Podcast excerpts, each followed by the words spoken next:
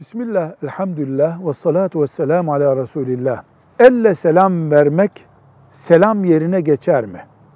Bu askeri bir işaret olabilir, öğrenci ile öğretmen arasında beden eğitimi dersinde bir parola olabilir, ayrı bir mesele.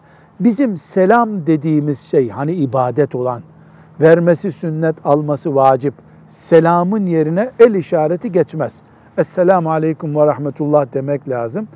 Hem Esselamu aleyküm deyip hem elle işaret yapmakta bir sakınca olmaz. Velhamdülillahi Rabbil alemin.